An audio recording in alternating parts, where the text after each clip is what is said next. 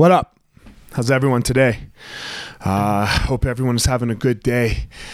Uh, I know my last one. When was it? Friday, I think. I think. I think I was intense on Friday, so we're going to bring it down a little bit today, um, because I think we need a little bit of that yin and the yang, a little bit, a little bit of middle ground sometimes.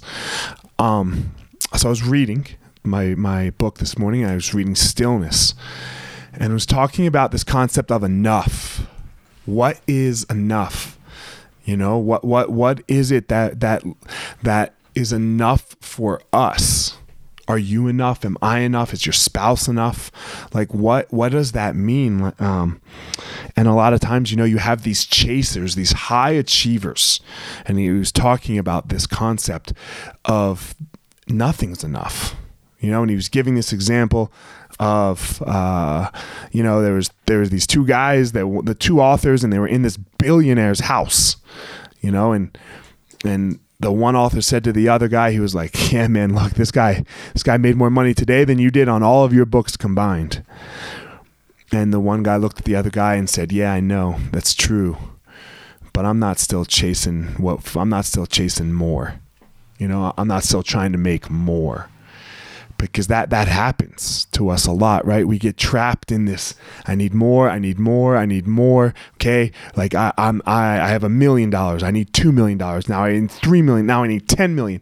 When is it enough? And i think all of us right now are being forced to slow down a little bit right? Like we can't like you the world is saying slow down. Take a chill.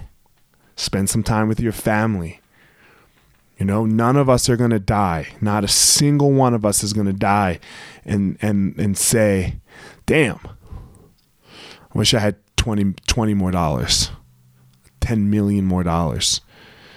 What we're going to say is there's going to be something personal. I wish I had one more minute with my kid.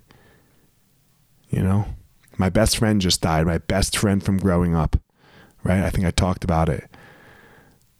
I just wish I could hang out with him one more time right? But life doesn't allow for that. Life will never allow for that. I'll, I'll never hang out with him again.